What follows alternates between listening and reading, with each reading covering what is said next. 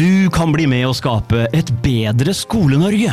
Podkasten har allerede rundet 100 episoder, fulle av forskningsfunn, oppskrifter, suksesshistorier og praktiske løsninger. Gjør som 60 000 andre, eller hver tredje lærer i Norge. Bli med på reisen mot å skape en bedre fremtid for barn og unge. Et bedre Skole-Norge.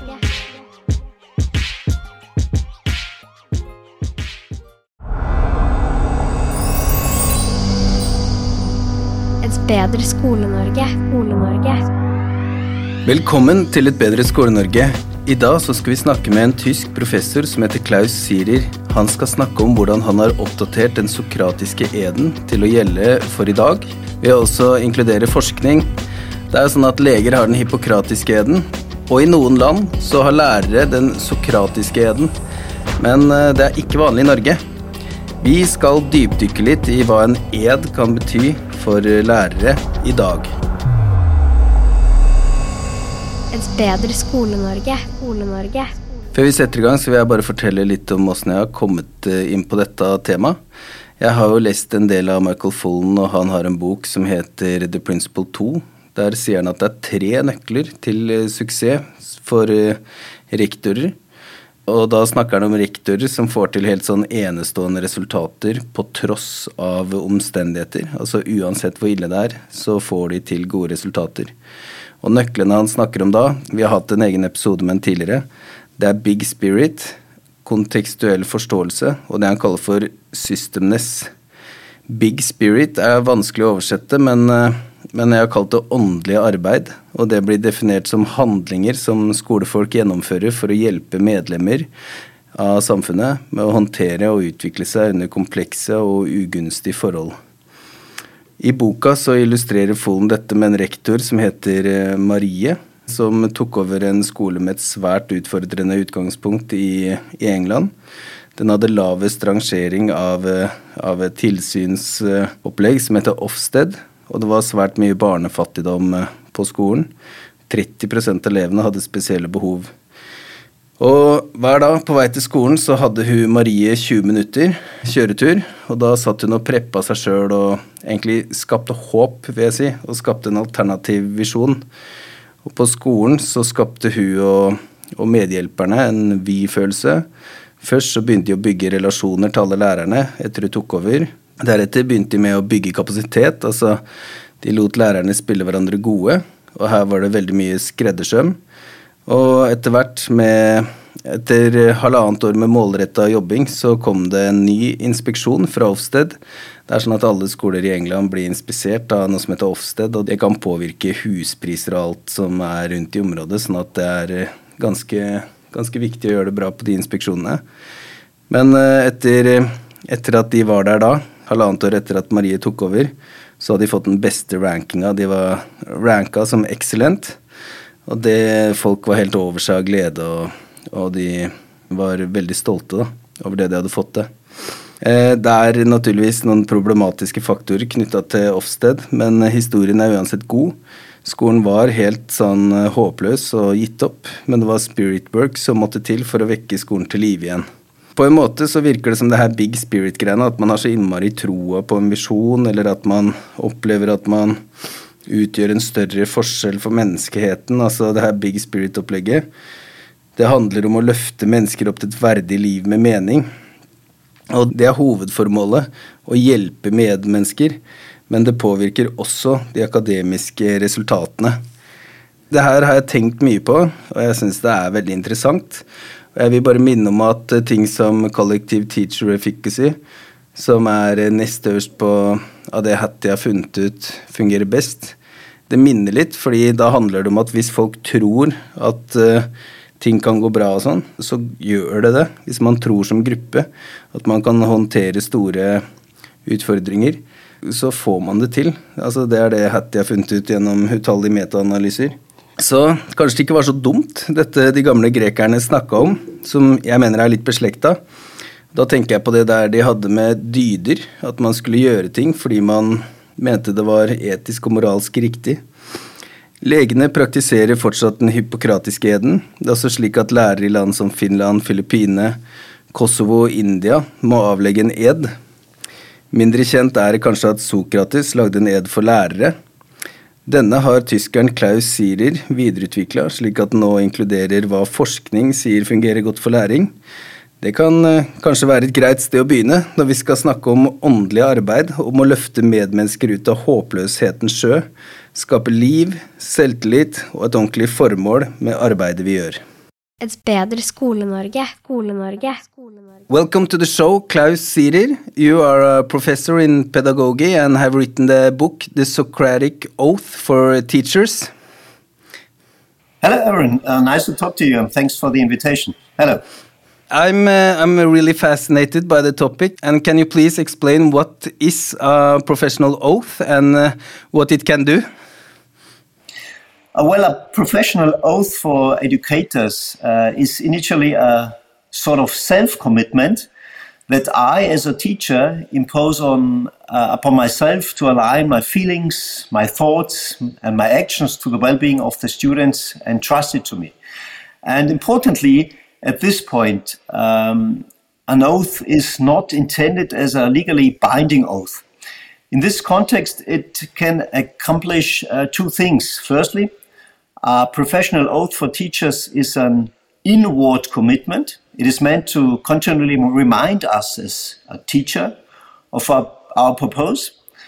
And there are many trends and myths in the teaching profession that often divert us uh, from our course. And secondly, a professional oath uh, for teachers is a message to the outside world, to students, uh, to parents, uh, to the colleagues, to the educational policy, and to the society as a whole, because the teaching profession is one of the most important occupations in our society and in our democracy. And what uh, characterizes teacher professionalism? Teacher professionalism is a very complex subject and complex field. It is often argued that good teachers possess a high level of subject matter knowledge. However, uh, this falls short, as we know, for example, uh, from the studies of uh, John Hattie and others. So, uh, subject matter knowledge only has a limited effect on learning outcomes. And the question here is why?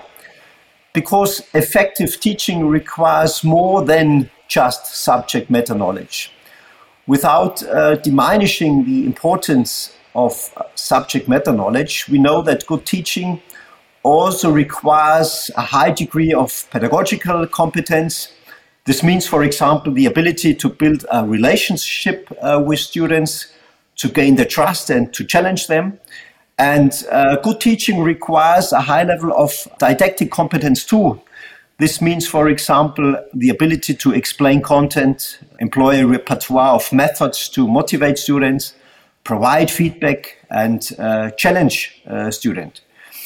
Research also shows that each of these competencies relies on the others to be effective. So, subject matter knowledge needs pedagogical and didactic competence.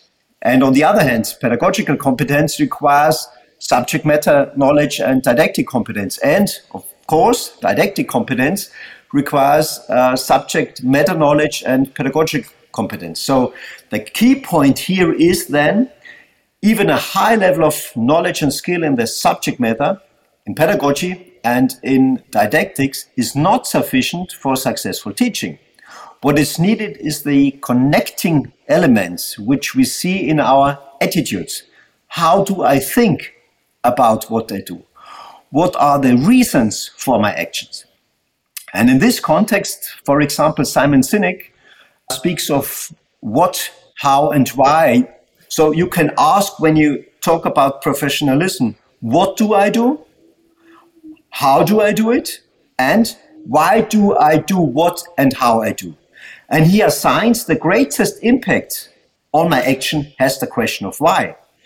And similarly to uh, Simon Sinek uh, is the research of Howard Gardner. Uh, he's famous uh, because of his research on the multiple intelligences, and he show has shown that uh, professionalism has three aspects, and they are linked to what, how, and why. First, excellence. So the question of why. Second, engagement, the question of how. And third, ethics, so the question of why. And uh, he points out that ethics is the most crucial aspect. So, in this light, teacher professionalism is a symbiosis of competence on one side and attitude on the other side. The attitudes are telling something about what teachers think is important. I'm now thinking about uh, Argyris and Schön. They have research that also Vivian Robinson have uh, referred to. I guess it's the uh, same area as you're talking about that what we think about something will affect uh, what will happen later. Yes, exactly. Perhaps I, I uh, let me give an, you an example to explain this in more detail. I, as a teacher, for example, can have the attitude that mistakes are something to be avoided in the learning process. This is quite common as I often see when I look at my children's notebooks. Mistakes are sought out, errors are highlighted in red, and that's the end of the feedback. And this is dramatic and problematic. So, this attitude toward mistakes is a catastrophe for learning. Students then become afraid of making mistakes, they're demotivated, and they feel stigmatized. Creativity, courage, and joy are lost in the learning process. So, on the other hand, for example, consider a teacher who views mistakes as a catalyst for learning and rejoices in every mistake as it provides feedback on what the students can do, on what the students can't do yet.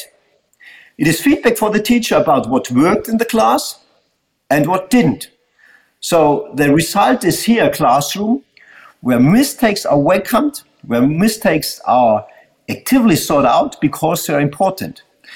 And I hope this example shows, as you said, values, attitudes lead to actions. The more conscious we are of our values, of our attitudes, the more effective we can be as teachers. Why are teacher attitudes uh, crucial for a successful professional oath? So, uh, as I, I said before, values are the core of what we do. They precede everything else. So our actions are determined by our motivations. Our motivations are driven by motives, and motives are nothing other than the values that are important to us. Uh, they form the core of our attitudes and therefore the core of teacher professionalism. So uh, a professional ethos is precisely reflected in these attitudes. What attitudes a teacher holds, what they can articulate and how they can handle them effectively. Attitudes are not static, they're always a sort of dynamic, and ideally, every experience we have as teachers leads to self questioning and to self reflection. Mm. Why is Socrates uh, suitable as a guarantor for a professional oath for teachers? Socrates is a very fascinating figure, not only in the ancient world, still today. In the history of philosophy, he represents a turning point as he was the first uh, to understand philosophy as a dialogue. All those who came before him simply talked, talked, and talked, regardless of whether their audience understood or not. With Socrates, thinking became a dialogue. This also gave rise to the so called Socratic methods in pedagogy, using skillful conversation to guide the student towards understanding. In my point of view, that alone would be reason enough to consider Socrates as a, a referee for a professional oath for teachers. But, however, there is a second point, even more remarkable in my point of view. Socrates was sentenced to death. The accusation was that his speeches had misled the youth. The judges offered him a chance to stay alive, and they admitted, uh, if he admitted uh, to making a mistake. So it would have been easy for Socrates to save his life. But he made a different choice. He didn't want to sell his life. He didn't want to sacrifice everything that was important to him for a lie, his values. and now that's very important, his students were more important to him than his life. And this makes Socrates a pedagogical example that re- represents a unique stance, a unique attitude for learning and teaching for education. From what I understood, Socrates made an oath in uh, like the ancient times. I know Socrates never wrote down a sort of oath. He wrote down anything uh, because all we know about Socrates uh, came from his um, scholar of Platon. But there was in the history of education already a sort of Socratic oath, which was written down by Hartmut von Hentig, which is a German educator in the 1990s.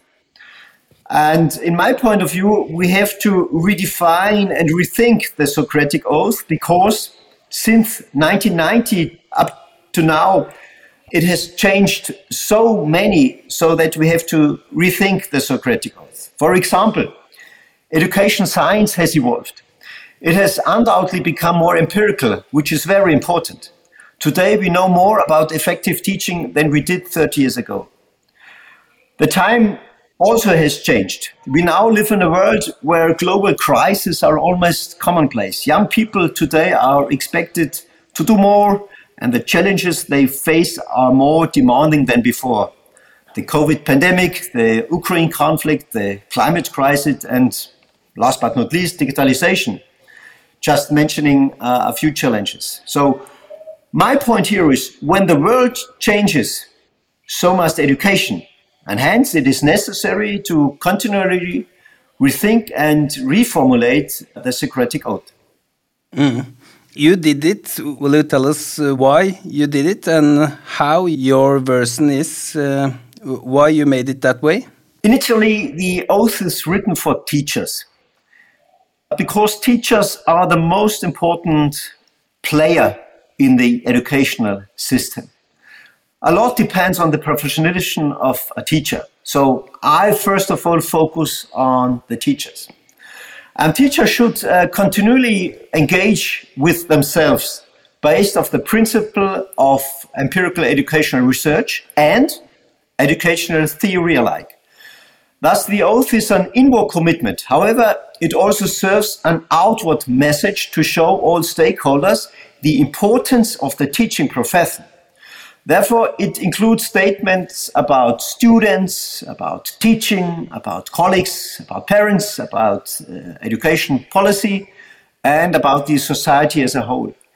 It aims to provide a comprehensive view of what we as teachers do, and most importantly, why we do what we do.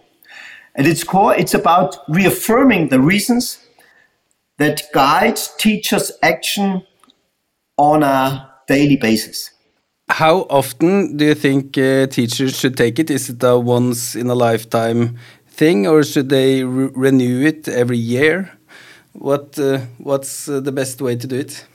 I would say constantly. Yeah. Whenever we make new experiences, yeah.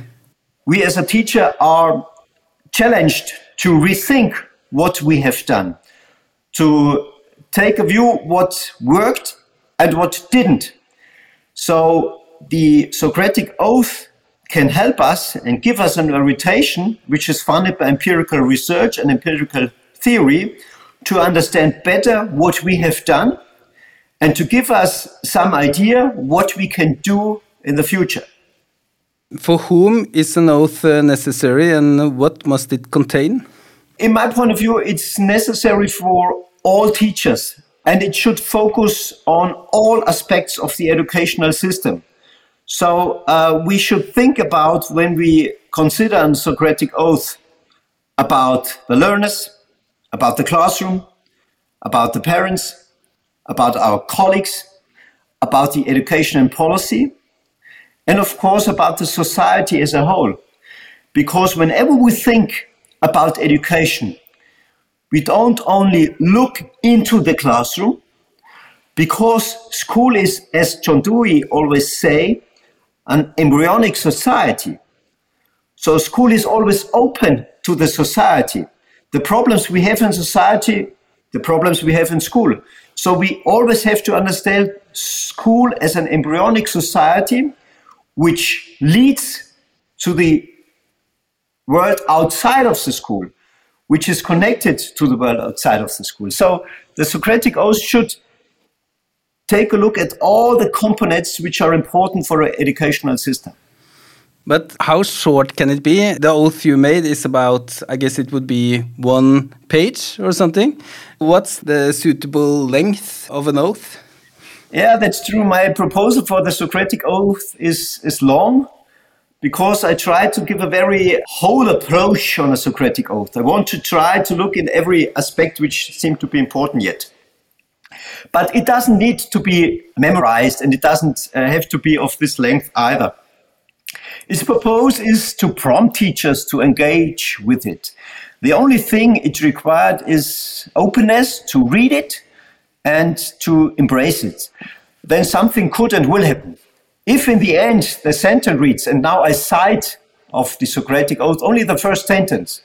As a teacher, I commit to aligning all my feelings, thoughts, and actions in my profession for the well being of the children entrusted to me.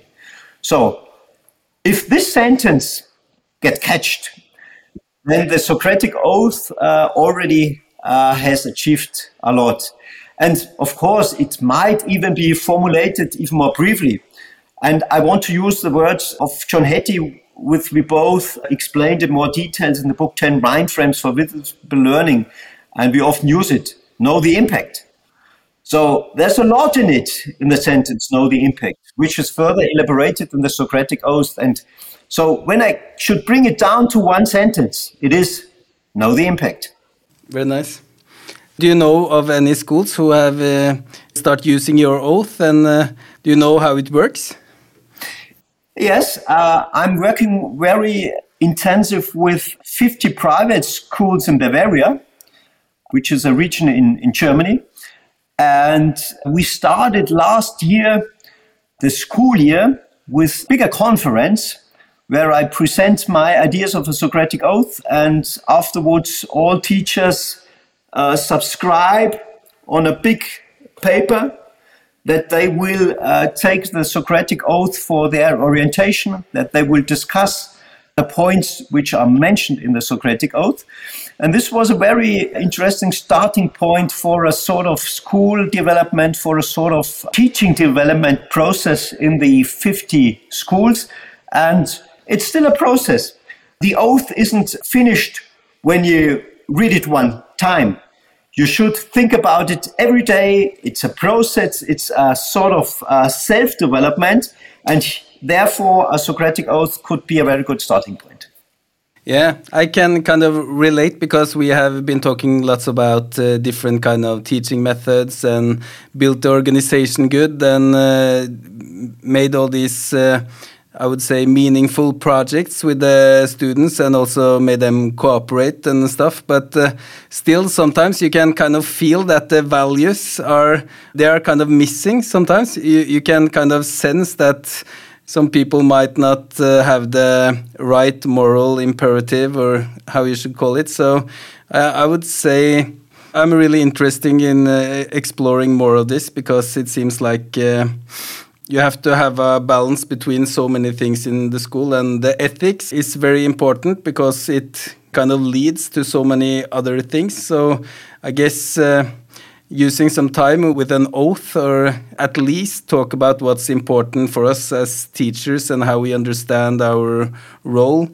Should be like uh, sometimes every year at least in the in the discussions between the teachers. So yeah, that's my point of view. Very short. Is it uh, anything more we should uh, add, uh, Klaus?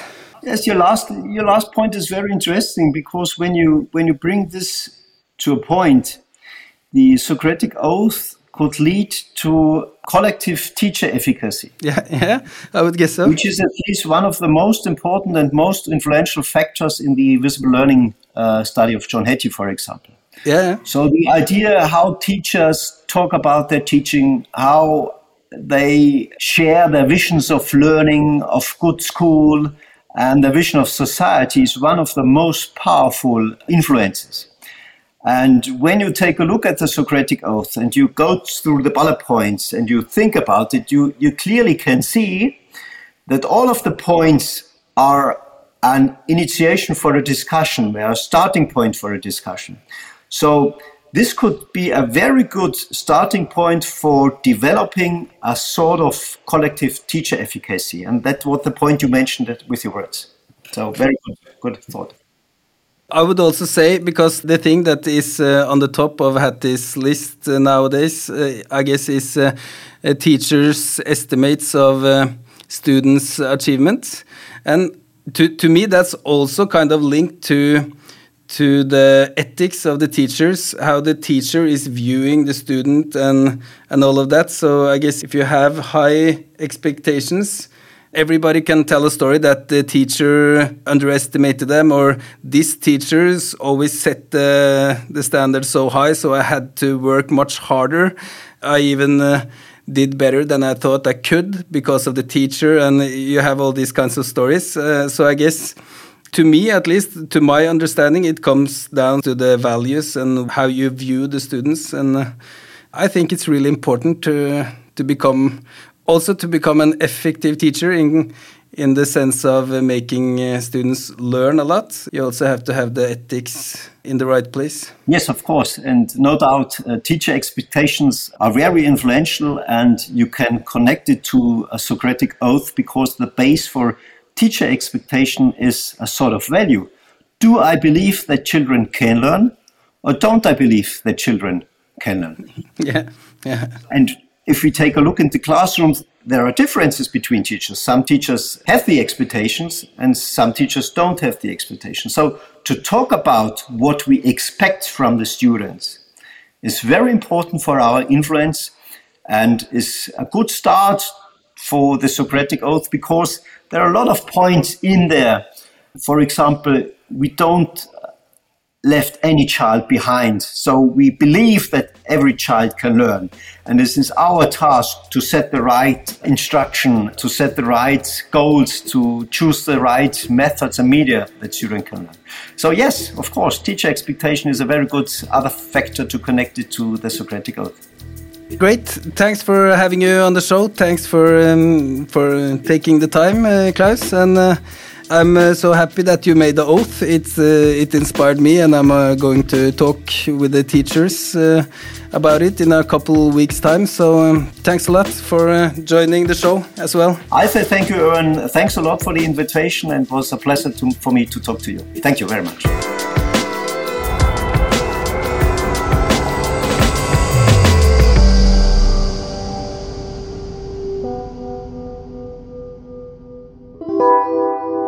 Et bedre Skole-Norge. Skole-Norge. Du kan bli med å skape et bedre Skole-Norge. Podkasten har allerede rundet 100 episoder, fulle av forskningsfunn, oppskrifter, suksesshistorier og praktiske løsninger. Gjør som 60 000 andre, eller hver tredje lærer i Norge. Bli med på reisen mot å skape en bedre fremtid for barn og unge. Et bedre Skole-Norge.